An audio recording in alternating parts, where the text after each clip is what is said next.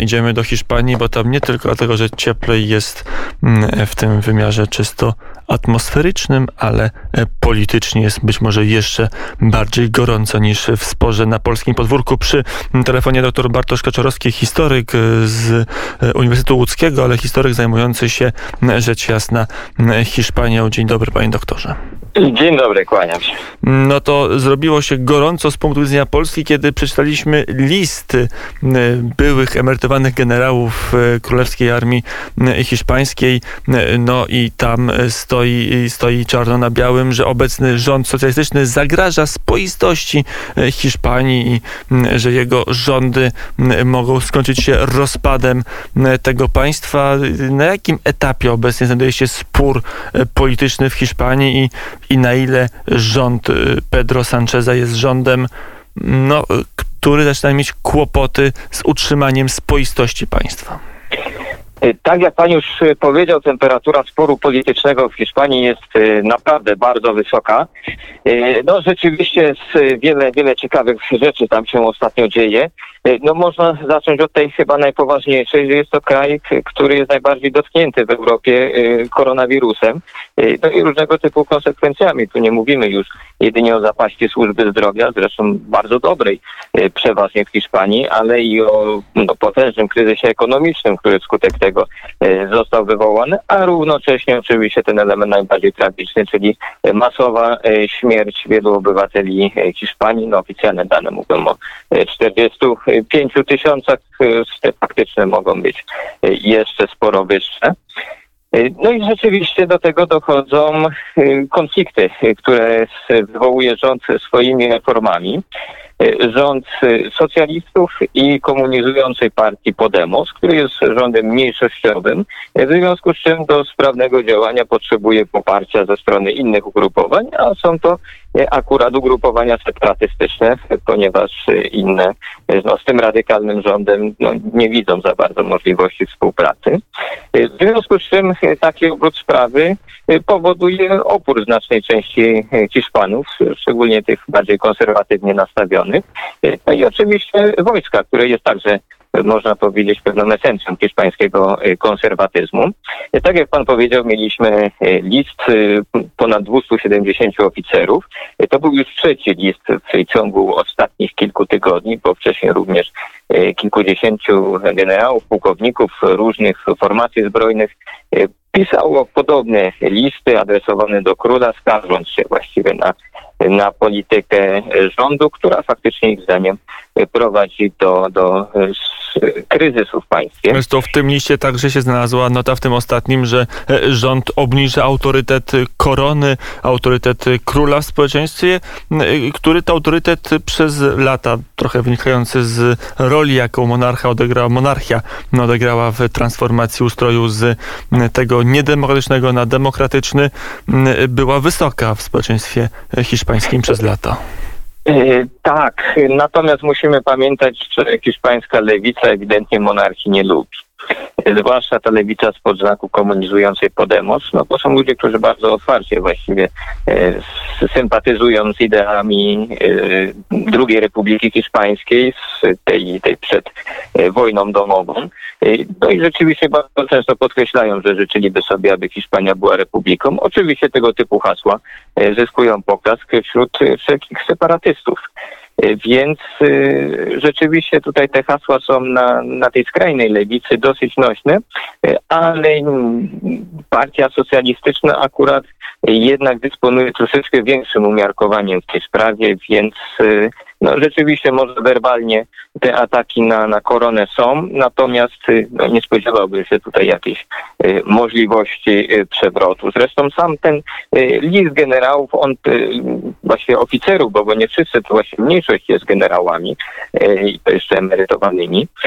ten list, aczkolwiek podpisały się tam faktycznie ważne nazwiska z hiszpańskiego wojska, chociażby na przykład generał Pedro Maria Andreu, który był, no można powiedzieć, swego rodzaju bohaterem w Hiszpanii, ponieważ był dowódcą operacji wojskowej z 2002 roku, kiedy to oddziały marokańskie zajęły bezludną wysepkę Perhil, tym samym podkreślając swoje prawa do tej wyspy i Hiszpania przeprowadziła bardzo skuteczną akcję, no, wybijając właściwie im ten pomysł z głowy. Więc to rzeczywiście nie są postaci nieznane, można powiedzieć, że są niektórzy nawet z pierwszej ligi hiszpańskiej, y, z hiszpańskiego wojska. Natomiast y, oczywiście ich wpływ obecnie na, na siły zbrojne ja bym określał jako jednak ograniczony. I chyba cała sprawa też zostaje, jest wykorzystywana przez rząd, który usiłuje stworzyć wrażenie, że prawica jak zwykle sięga do niedemokratycznych metod, do tych metod najbardziej drastycznych, y, które oczywiście Hiszpanom muszą się kojarzyć bardzo źle z, tak, z wojną domową 1936 roku. Y, więc no, faszyzm u bram, tak? Można powiedzieć, że to jest pewnego rodzaju y, stanowisko rządu, które w ten sposób stara się scementować tych, tych bardziej umiarkowanych e, wokół siebie. A ile, jest, a ile racji jest tym, że, że, że ta obecna e, no, współpraca parlamentarna, tak to nazwijmy, tego rządu mniejszościowego, socjalistyczno-komunistycznego z partiami, które są, mają charakter separatystyczny, zagraża temu spoistości Hiszpanii, bo z drugiej strony można było oglądać na, na arenie Europarlamentu dyskusję o tym, jak to rząd, ten sam rząd hiszpański przecież bardzo mocno i bezprawnie e, tępi osoby odpowiedzialne za referendum w Katalonii? E, to jest, myślę, że jednak e, pewne wyolbrzymienie. Mm, to znaczy rząd hiszpański, no ten wcześniejszy, jeszcze konserwatystów, Mariano Rajoya, Y, wcale nie był y, wobec separatystów stanowczy. To myślę, że jest pewnego rodzaju jednak uogólnienie. Właściwie można nawet powiedzieć, że zdecydowanie tam więcej było gołębi, bardzo mało jastrzębi.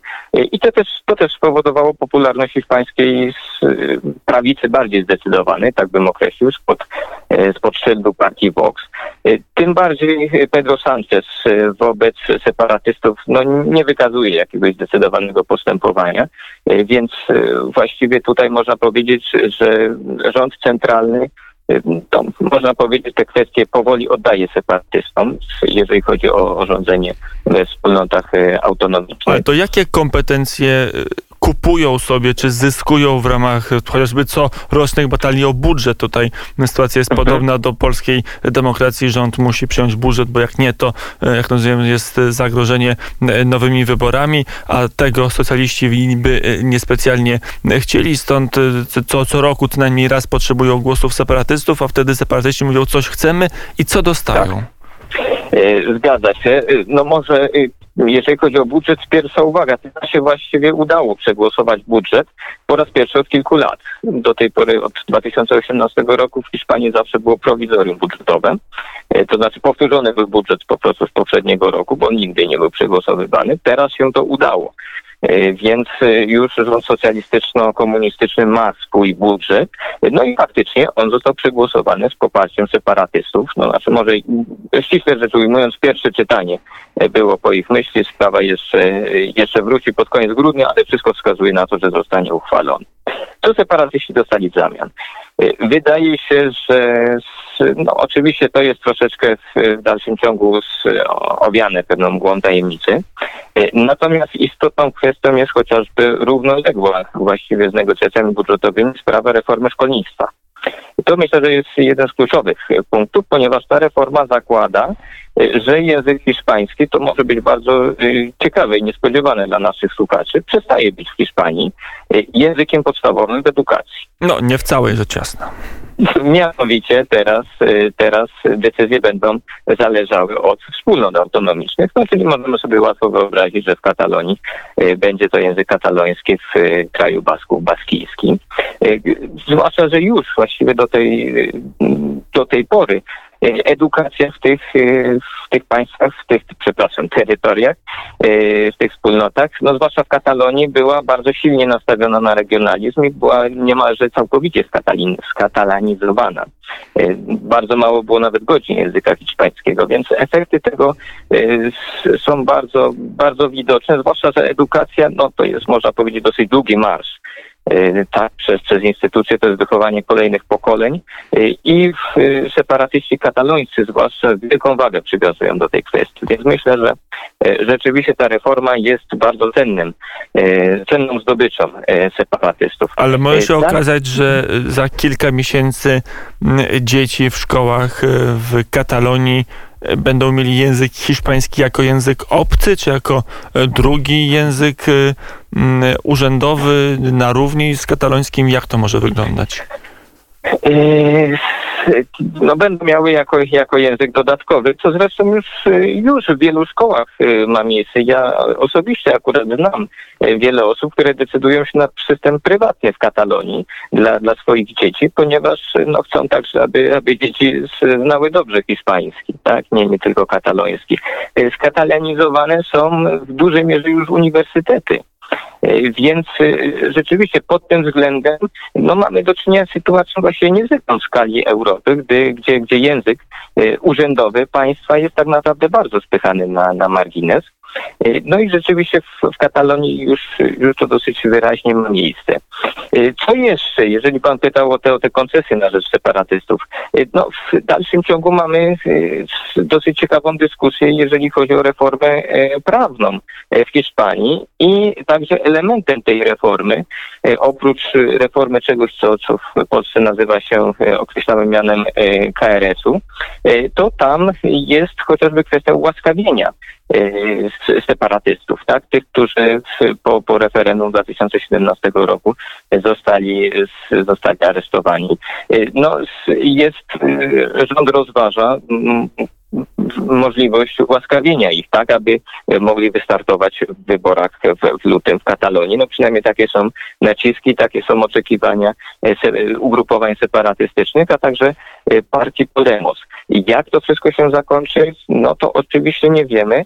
E, natomiast bardzo ważny jest chyba sam, sam fakt, tak jednak długiego i tak owocnego paktowania z separatystami, zwłaszcza niektórymi no naprawdę bardzo powiedzmy wątpliwej reputacji, tak jak chociażby niewielka partyjka baskijska Bildu, e, która tak naprawdę jest w linii prostej. E, właściwie to są dziedzice e, ugrupowania terrorystycznego ETA. Zresztą osoba, która znajduje się na czele Bildu, czyli Arnaldo Tegi, no jest, jest jednym właśnie, można powiedzieć, z terrorystów, już pięć razy przebywał w więzieniu. E, więc e, rzeczywiście do tej pory można powiedzieć z pewnymi ugrupowaniami nie przywykło się paktować. E, rząd socjalistyczno-komunistyczny to, to zrobił.